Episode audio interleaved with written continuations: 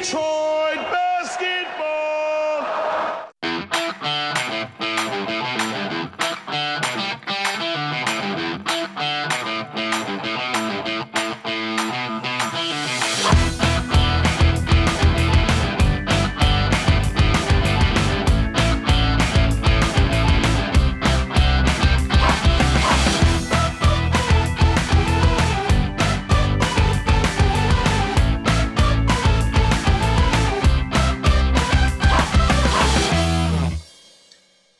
kembali lagi di ATTL Basket. Awalnya nih sebenarnya mau jadi segmen 2 buat di episode 5 gitu. Cuman karena topik yang menarik, akhirnya kita memutuskan udahlah ini jadi episode sendiri aja gitu. Jadi akhirnya selamat datang di ATTL Basket episode ke-6. Uh, jadi sebenarnya personalnya sama kayak episode 5. Ada gue, ada Adit, ada Abi, What's up, what's up? What's up, what's up? ada Bang Ken, That dan nggak ada Ivin. Jadi karena sama kayak kemarin karena tapping di hari yang sama, Ivin pada saat itu masih sakit tekinya, cedera gitu. Moga-moga nggak kenapa-napa. Nah, kita langsung masuk ke topik aja. Jadi ini Yap. topik sebenarnya gue yang bawa gitu kemarin karena uh, gue kebetulan lagi dengerin podcast basket juga, podcast luar. Itu tiba-tiba mention kalau misalkan uh, Detroit Pistons itu kedatangan GM baru. Uh, itu namanya Troy Weaver. Troy Weaver ini dia itu adalah uh, sebelum datang ke Pistons itu dia sebagai uh, VP of Basketball Operations dari OKC Thunder. Berarti yang di mana dia Oh. kerja bareng Sam Presti kan. Karena uh, honestly speaking, gue cukup menganggap tinggi seorang Sam Presti. Hmm. Ya kan yang di mana akhirnya gue kepikiran dengan kondisi Pistons yang ada, kayaknya mau ngebahas Pistons menarik nih gitu kan. Karena seperti yang kita tahu kan, coach mereka ba- bagus kan, seorang Dwayne Casey gitu. Kita nggak boleh lupa sama itu. Meskipun memang seperti yang kita tahu, Pistons tuh ya beberapa musim terakhir nih nggak patut buat dibahas lah gitu. Nggak ada yang menarik-menarik dari Pistons gitu kan. Dan mereka selalu masuk headlines untuk berita-berita yang salah gitu. Kan? Terus dan trigger terakhirnya adalah karena ini apa namanya eh, akhirnya mereka bisa ngelepas eh Andre Drummond kan. Meskipun nanti kita akan bahas bahas lebih lanjut terkait itu gitu kan. Cuma Ya, sih intinya dari ketiga hal itu gue langsung ngelempar ide nih kalau misalnya kita ngomongin Pistons Hmm. gimana gitu. Ada yang bilang iya, ada yang bilang enggak sih gitu kan. Cuma ini jadi menarik menurut gue gitu. Iya, Nah. iya, iya. Mungkin buat kita masuk nih gitu kan. Karena kan seperti yang gue bilang tadi, eh, salah satu trigger awal dari pergerakan yang dibikin Pistons ini gitu kan. Tim yang bisa dibilang kan tim sejarah lah ya gitu kan. Yang di mana Hmm, hmm. kalau misalnya kita semua nonton Last Dance, kita tahu basically tim to beat dari seorang Michael Jordan di sebelum dia menjadi seorang superstar tuh ya basically Pistons, bad boy Pistons Ya. gitu kan. Yang di mana mereka uh, back to back ya berarti kan, uh, 89 sama 90, yang di mana Hmm. mereka bermodalkan defense. Dan kalau misalnya kita nggak lupa gitu kan, kita pasti ingat lah gitu. Uh, basically 2004 di mana di mana Pistons yang bisa dibilang underdog ya. Karena waktu itu ngelawan uh, quote unquote Sana. super team Lakers gitu. Tapi mereka, gue lupa, eh ini gue agak lupa, mereka swept kan? Sapu bersih kan? Em, Atau gua gentleman, atau juga 4-1. sih. Ya Ntar cuman ya, intinya Lakers ya. dibabat lah gitu. Yang di mana bukan tim yang bermodalkan superstar gitu kan. Mereka team Empat. play dan mereka Hmm. build their team based on defense gitu. Karena kan ada masa di mana berapa poinnya? Cuman nggak nyampe 80 apa? Ya, ya, ya. Itu ada poin, ada ada titik di Ya. mana di satu satu game eh, apa namanya pemain yang skor paling banyak buat mereka itu Rip Hamilton gitu kan. Meskipun kita tahu Rip Hamilton itu Ya. basically ujung tombak lah di apa untuk offensive team Pistons itu. Cuman yang menariknya adalah dia tuh nggak ada field goal yang masuk. Dia itu bikin 14 atau 15 poin tapi semua dari free throw. Free throw. Yo, Rip Hamilton, bro. The mask. The mask. Itu The bukti, mask. itu bukti konkret kalau misalkan eh, Pistons itu timnya build based on defense kan. Hmm. baik Iya, iya, dari iya. Bad Boy Pistons maupun dari Twin Tower, Wallace Twin Tower. ba- ba- ya ba- kan? Ya, ya, ya. Sementara Wow. kalau misalkan kita fast forward almost 20 years later, 15 tahun kemudian sekarang Pistons defense-nya nggak ada apa-apanya gitu. ya kan? Nah, terus nyambung yang tadi nih gitu kan, karena ngelihat dengan ada pergerakan Drummond, karena kan kalau misalkan sebelum Drummond cabut, kalau misalnya kita ngelihat salary cap-nya apa namanya Pistons lah ya gitu kan, kondisinya mengkhawatirkan kan. Tiga orang tiga orang Kenapa tuh? termahalnya kan Drummond dua- 20 odd something million US dollar gitu kan. Ya, Hmm. ya. Griffin 38 gitu. Sama Reggie Jackson gitu kan. Itu 18-an gitu. Di mana itu tiga orang itu tuh aduh nggak nggak nggak bisa ngapa-ngapain lah gitu. Udah gitu kan. Iya, iya, iya. Begitu Drummond cabut kan ada yang hilang tuh. Nah, gimana gimana Bi? Ya. Aduh, Abi dulu, abi dulu, abi dulu, abi dulu, abi dulu. boleh boleh. Jadi gimana ya? Gue gue mungkin uh, uh, si Troy Weaver ini juga kasihan sih karena dia ngambil dapet tim yang jago apa re, re, re- rebuild juga enggak ya maksudnya rebuild udah sih maksud gue masih banyak kontrak yang nyangkut di di, di salary cap itu walaupun mereka udah berhasil eh gimana ya, meng-hedge risk dari drama mencabut pada waktu itu Eh, terus juga Reggie Jackson berhasil akhirnya di wave juga itu ngabis itu nge- nge- nge-clear 40 juta dari cap space Hmm. tapi maksud gue adalah sekarang gimana caranya mereka bisa ini sih mereka bisa uh, navigate around Blake Griffin's huge contract dengan health isunya dia dan juga dengan style play-nya dia yang makin lama makin turun dari segi Mhm. defense sudah uh, nggak bisa capable tapi offense walaupun masih inilah ya tapi at least from a kind of um, net point of view dia udah mulai minus lah Ya. nah itu dan kemarin juga dia mereka punya situasi menarik nih di mana Christian Wood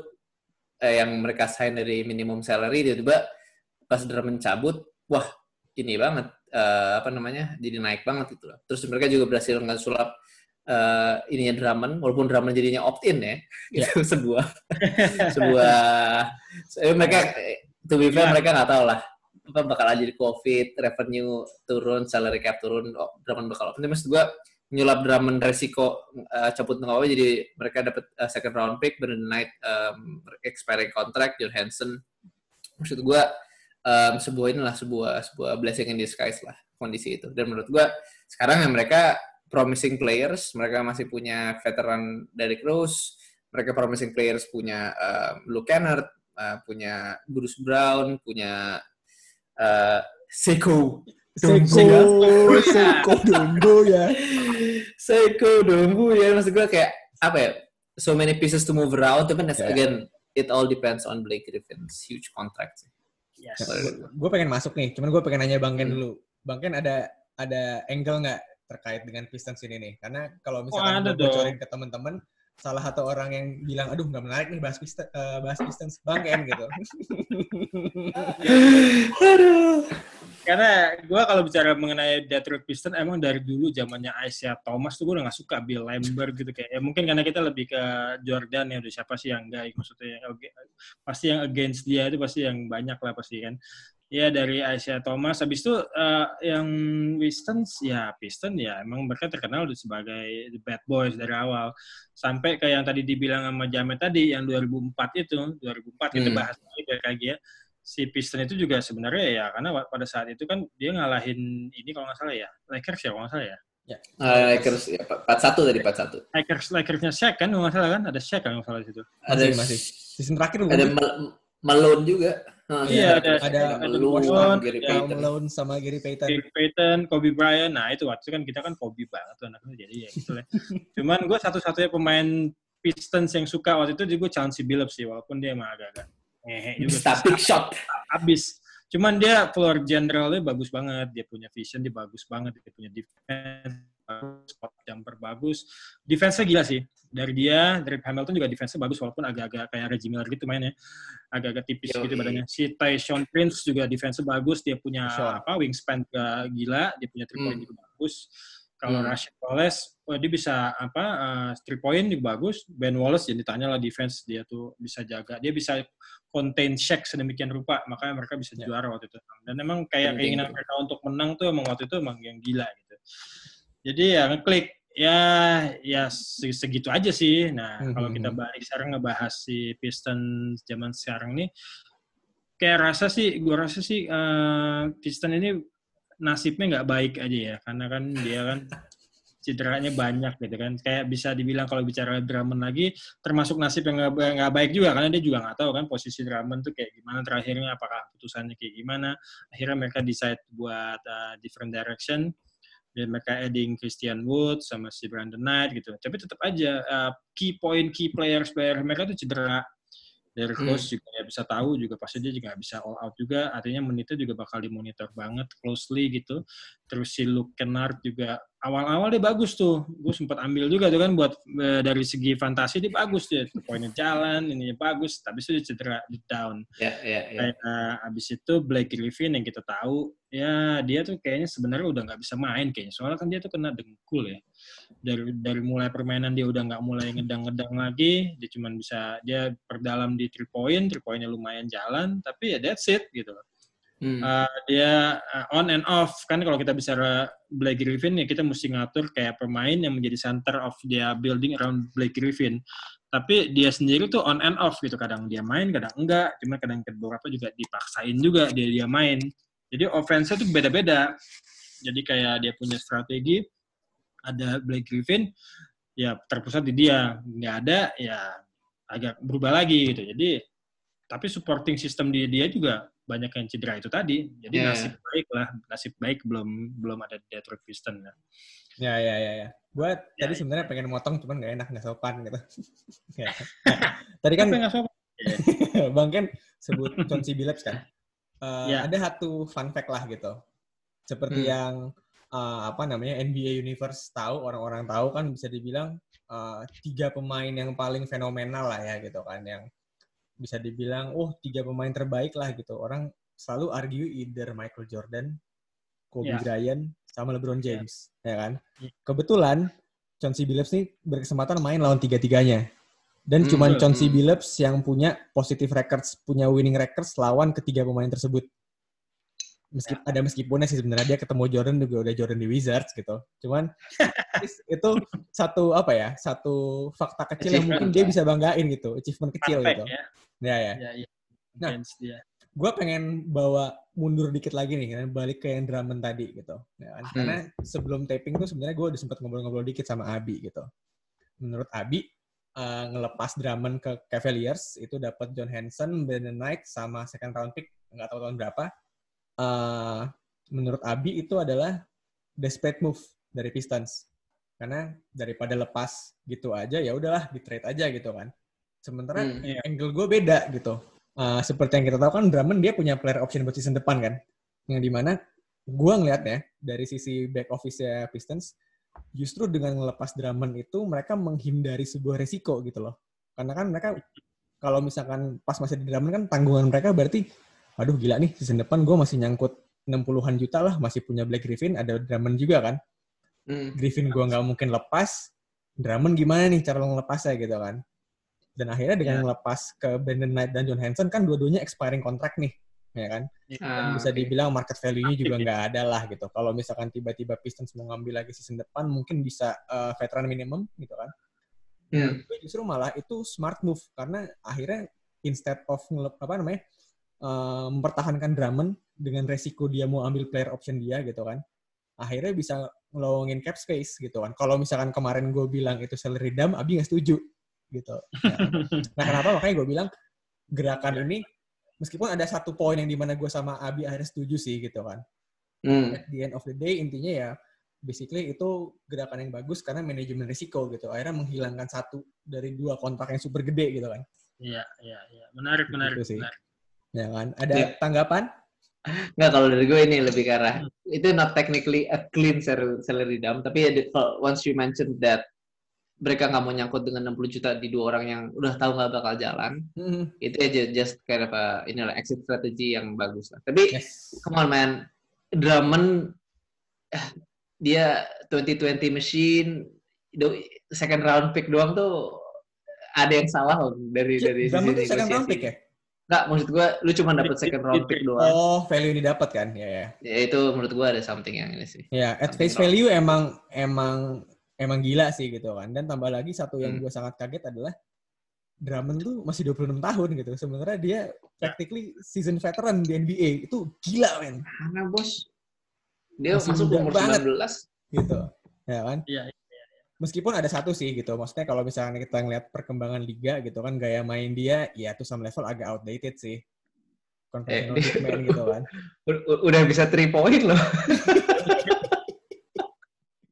Open ball yang mana-mana. Meskipun kalau misalkan kayak nyambung sama yang sempat gue bahas di episode 4 kemarin, uh, untuk di tim-tim yang misalkan emang punya banyak shooter mungkin dia bisa ngebantu gitu kan karena basically Iya, ya iya. orang gila mana sih yang bisa ngadu sama Drummond di bawah ring gitu kan Ya, Ya, Brown. gitu nah karena nyambung nih karena kan tadi gue sempat mention terkait dengan kontraknya Blake Griffin juga kan Hmm. kalau misalkan uh, lagi contekan dari Abi thank you Abi selalu menyediakan contekan buat kita semua gitu. Contekannya, basically kan tuh contekan. masih masih nyangkut ya gitu kan. Secara kontrak tuh at least sampai season depan gitu kan. Di mana season selanjutnya lagi tuh Blake Griffin masih punya player option yang di mana dengan kondisi sekarang Blake Griffin juga pasti sadar diri kan. Kan dalam waktu dua tahun ke depan permainan gue tuh tidak mungkin berkembang gitu. Nggak ada mungkin malah decline. Jadi kan sudah pasti akan mengambil player optionnya Ya, ya. gitu kan. Ya. Dan satu lagi nih, pas banget kebetulan tadi pas lagi break sebenarnya, gue sempet cari-cari berita sedikit gitu kan. Sebenarnya sih gue pengen nyari berita buat Troy Weaver.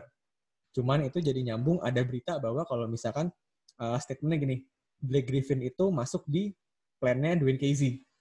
Ya kan? Cuman ada cuman nih dari yang apa namanya yang nulis beritanya dia bilang, "Iya, masuk di plan lo. Plan lo buat jadi pemain atau buat di trade." Ya kan? Nah, jadi sebenarnya pertanyaan yang pengen gue lempar uh, mungkin nanti Bang Ken duluan kali ya yang jawab ya gitu kan. Ya, ya, ya. Sebenarnya Pistons nih bakal ngapain nih dengan kontraknya Blake Griffin gitu kan? Karena bisa dibilang kondisinya mengerikan gitu kan, jauh lebih mengerikan dibandingin kontraknya Chris Paul gitu. Gimana Bang Ken?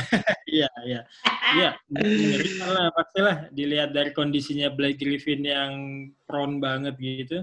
Mungkin pada waktu mereka decide antara Griffin sama Drummond udah pasti sebenarnya Griffin. Cuma pada saat at that time si Griffin ini kan cedera. Jadi ya mau nggak mau ya Drummond yang 2020 mesin mereka tuh mereka lepas dengan second uh, apa second round second rounder gitu.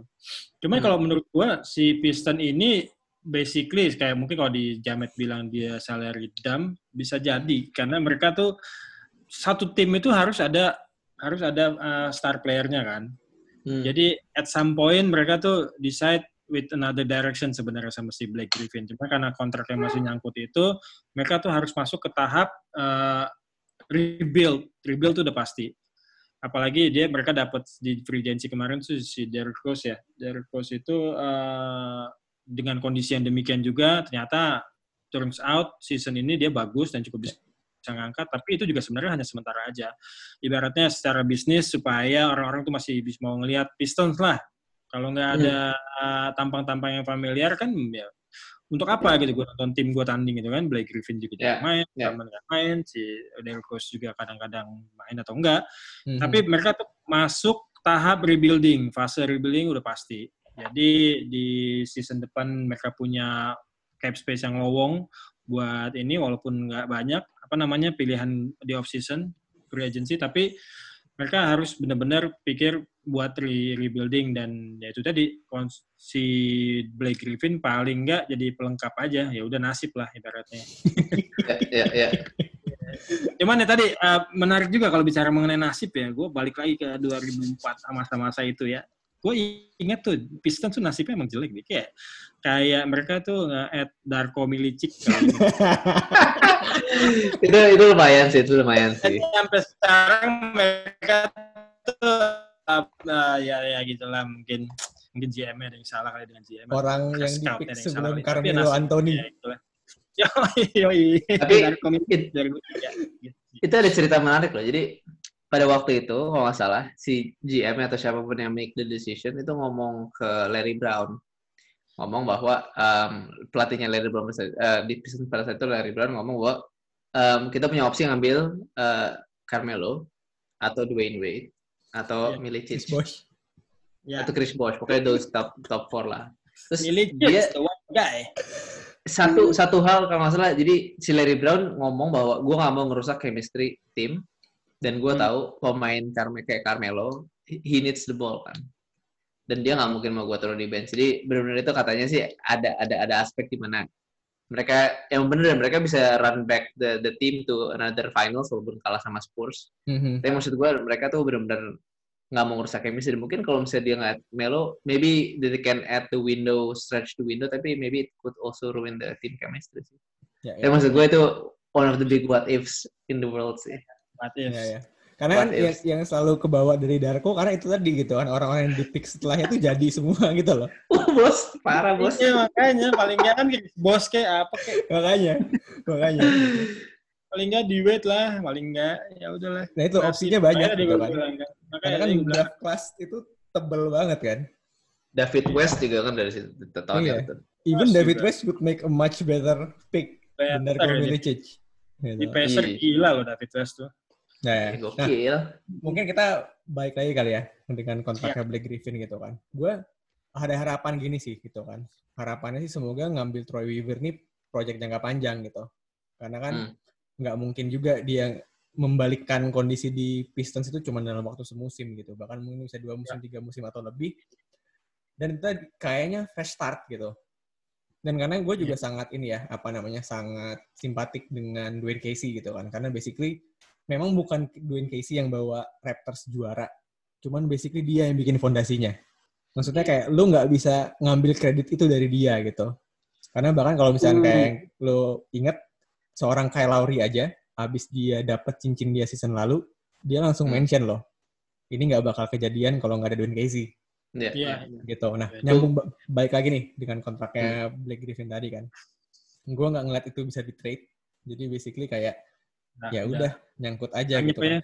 Anyep. Tapi dengan kondisi sekarang gitu kan. Unless tiba-tiba somehow baik lagi gue akan refer ke Chris Paul lagi. Tiba-tiba ada tim gila yang mau menuker itu gitu kan. Meskipun kalau misalkan ngeliat dari kondisi market highly unlikely lah gitu.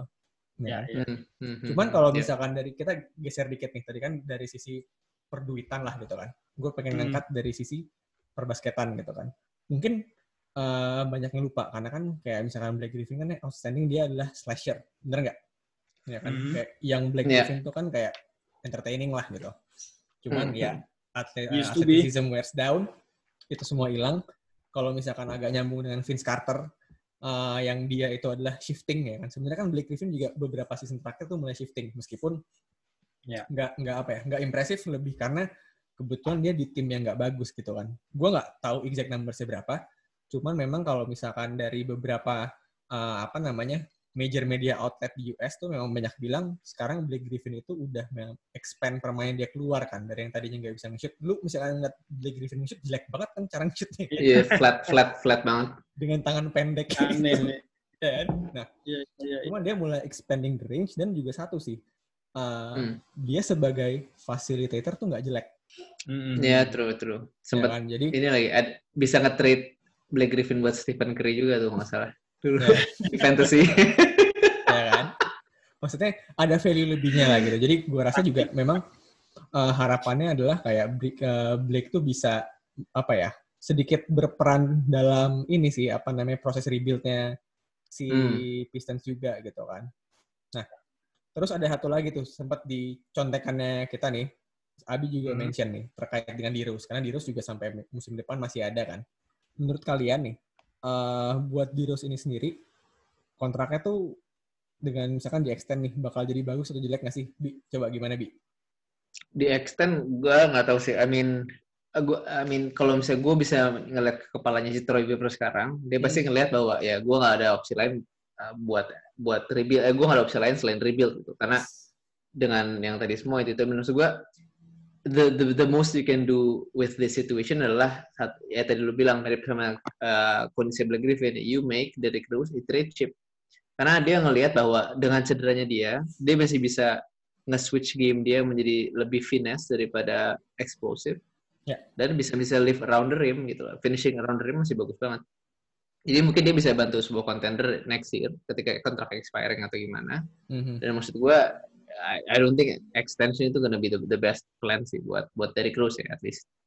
Dan terkait Blake Griffin nge in, in game-nya dia, I think gimana ya? Um, in the right system, kayak yang tadi eh, kayak mungkin sistem A ini ya Isaiah Thomas lah. Uh, dia offensively masih bagus, tapi secara defense kalau bisa bisa di, ditutup oleh timnya atau yang Hmm. lain, dia bisa bagus sebenarnya Blake Griffin. Tapi ya again, he's willing to expand his game.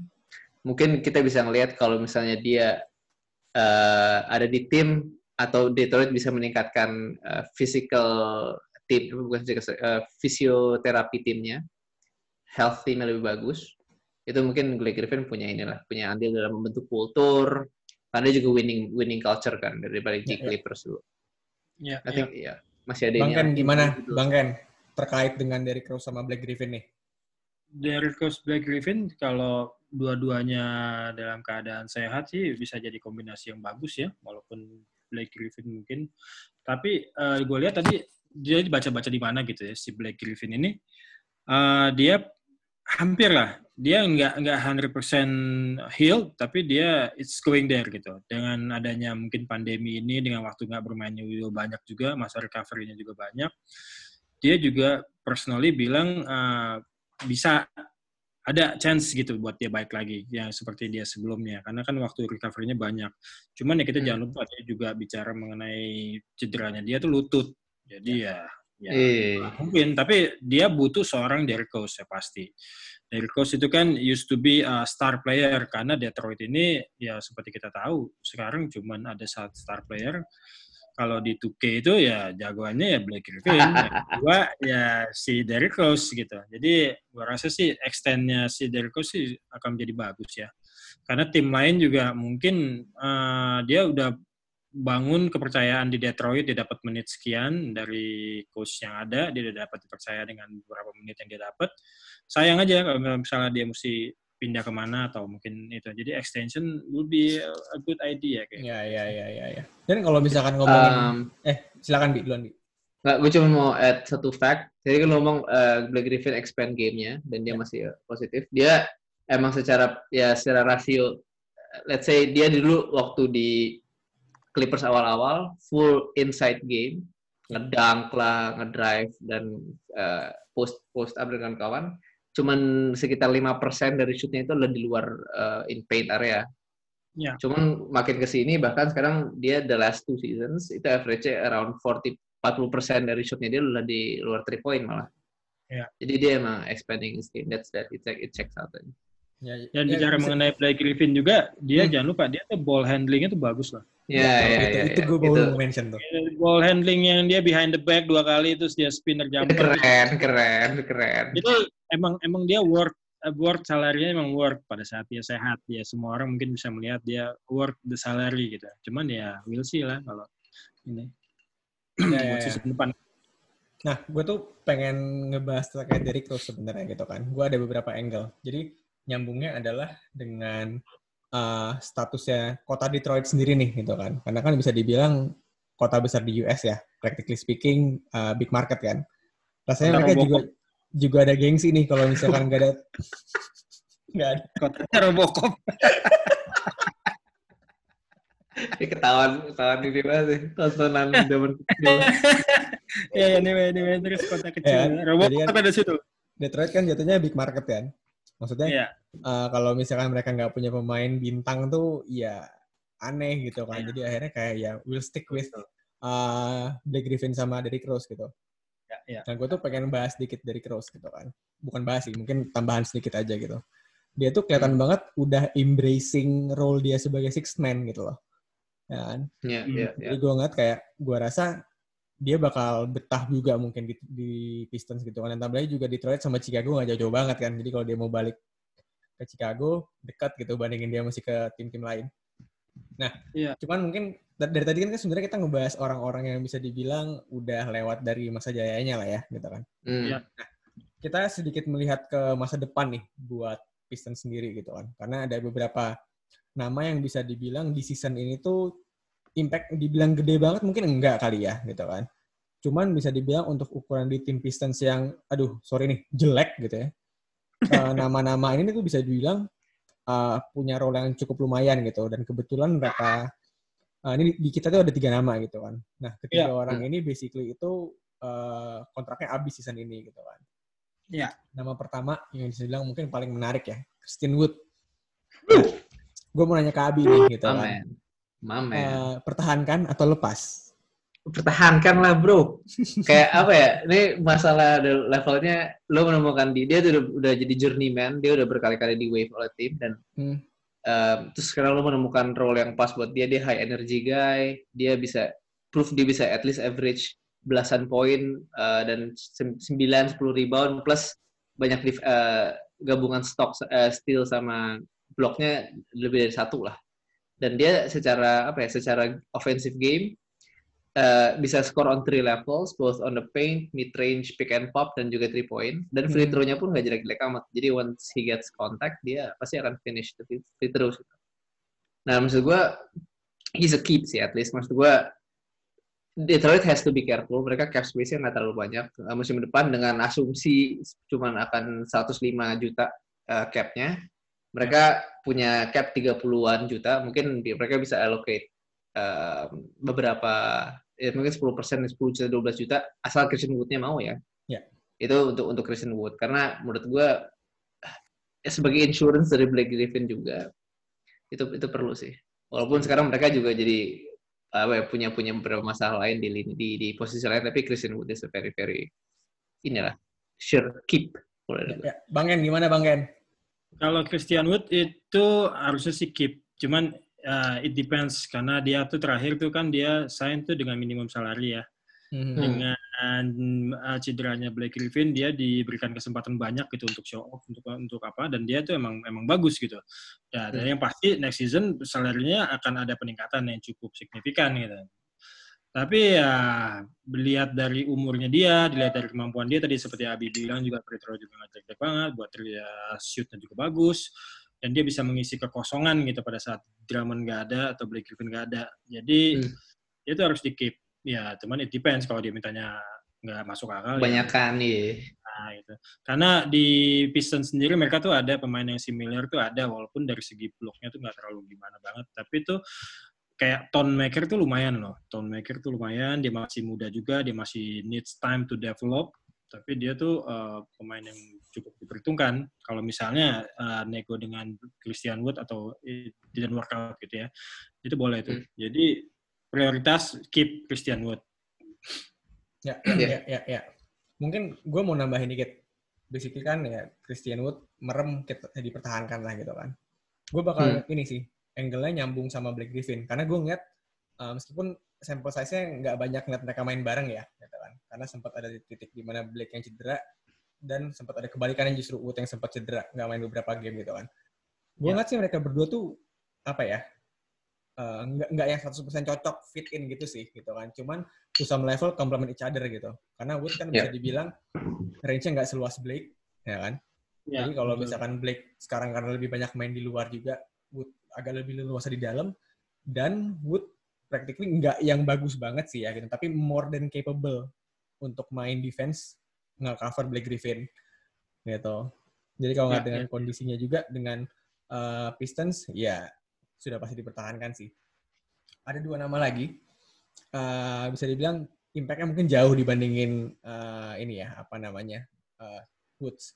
Yang pertama ada Langston Galloway yang kedua ada Sri Kylub mungkin gue yeah sure. lu, bahasnya dari uh, Galloway dulu. Mungkin ya, buat ini gue buka duluan Galloway lepas aja udah gue nggak nggak bakal nggak bakal nambah Setuju gua. lanjut lagi gitu kan Abi gimana Bi? setuju gue Amin Galloway lepas karena mereka juga punya beberapa inilah wing player Tony Snell Tony Snell tuh punya player option dan dia pasti opt in dan Ya. menurut gue I think itu udah enough lah Bang Ken gimana Bang Ken? Kalau menurut gue si Langston Galloway kalau dari posisi dia itu kan uh, guard ya, guard posisi dua. Dan sementara di Detroit itu lumayan lumayan pack juga dengan posisi dua itu Hmm. ada sekitar lima orang. Mereka punya Luke Kennard, mereka punya Jordan McRae, mereka punya Brandon Knight, ada Kiri Thomas atau siapa lah, dan ada Tony Snell juga. Jadi ya mungkin uh, tergantung ya, tergantung permainannya ya bakal kayak gimana. Apakah mereka butuh bench yang deep atau enggak? Karena kalau kita lihat dari seorang Langston Galloway itu kan dia tuh uh, three point ya, benar-benar benar-benar Hmm, udah- hmm, hmm, hmm. Dia punya perimeter defense juga ya so-so lah oke lah atau enggak. Tapi gaji dia tuh lumayan mahal, jadi mungkin pertimbangannya agak berat kalau keep dia. Sementara Luke Kennard dengan permainan yang sama dengan garansi gaji yang untuk musim depan masih lebih murah daripada dia, gua rasa sih ya mungkin better di let go ya Langston Galloway. Agree. Oke oke oke oke. Mungkin eh, singkat nih terakhir gitu kan.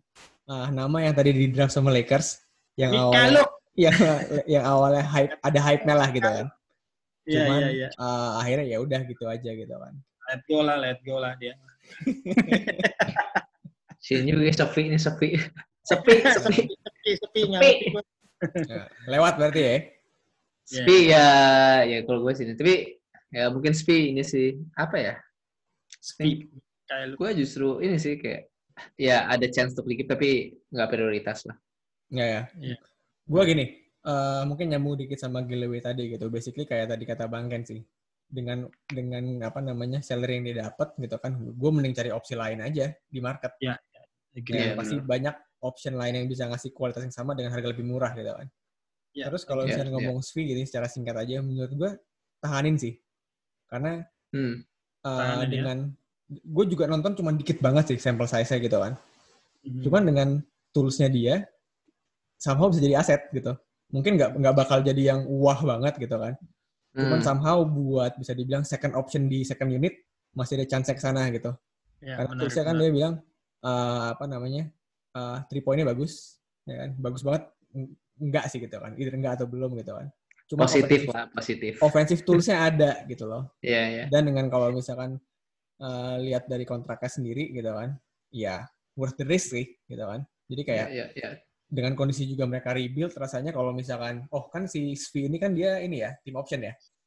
Iya, biasanya jadi pasti bisa ambil ambil aja sih gitu kan, low risk juga soalnya. Ya, Gitu. ya.